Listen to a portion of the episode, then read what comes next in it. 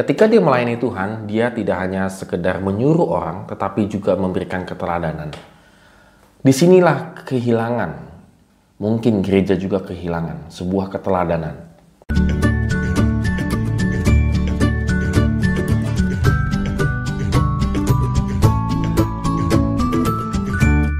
Morning Go Traders, hari ini kita kembali merenungkan firman Tuhan, tetap semangat, tetap optimis dalam menjalani hidup ini karena kita yakin Tuhan pasti memimpin setiap orang percaya, setiap langkah kehidupan orang percaya.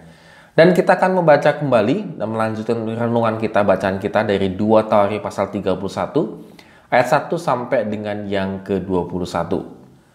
Kita bisa melihat di sini bagaimana Raja Hizkia melayani Tuhan dengan sungguh-sungguh. Penulis Tawari mencatat bahwa tindakan Hizkia ini sangat penting dalam bagian perikop ini. Walaupun kita tidak terlihat uh, ada apa ya pentingnya itu benar-benar memberikan dampak yang luar biasa bagi kehidupan rakyat Yehuda. Kita lihat yang pertama tentang pengaturan tugas dan sumbangan bagi para imam dan orang Lewi. Nah, diatur dulu adalah para imamnya dan orang Lewinya. Di ayat kedua sampai 8. Yang kedua, pengaturan permanen bagi penanganan berbagai jenis persembahan. Persembahannya banyak, kalau tidak diatur dengan baik, maka ini pasti akan jadi ribet malah ruwet begitu ya. Dan Hizkia itu tidak hanya sekedar mengatur persembahan begini, begitu, begini, tetapi dia juga menjadi contoh teladan memberikan persembahan terlebih dahulu. Baru kemudian dia memerintahkan rakyatnya untuk memberikan persembahan. Bahkan tadi kalau dicatat itu akhirnya berlimpah-limpah di 4 sampai dengan yang ke-10. Ini luar biasa ya, jadi keteladanan itu memberikan dampak yang luar biasa dalam memberikan persembahan. Dan kelimpahan ini sebenarnya adalah bukti bagaimana Tuhan itu mengasihi umatnya dengan sungguh-sungguh. Dan Hizkia juga memperhatikan dengan seksama bagaimana penyimpanan, pengaturan, dan pembagian persembahan yang masuk ke dalam bait Allah. Ia mengaturnya dengan memperhatikan memperhatikan catatan silsilah. Jadi dia strateginya adalah catatan silsilah di ayat yang ke-17. Hal ini memperlihatkan bagaimana Hizkia itu membuktikan dirinya terus-menerus mencari Tuhan dengan segera mati di dalam segala usahanya yang mulia yaitu untuk uh, memberikan segala-galanya kepada Tuhan.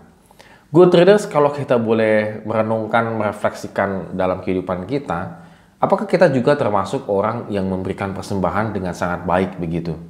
Kita terkadang masuk ke dalam gereja atau pun mengikuti gereja online di mana pun Anda ikutin begitu, apakah kita juga termasuk seperti Hizkia yang memberikan contoh teladan dalam pem pemberian begitu ya?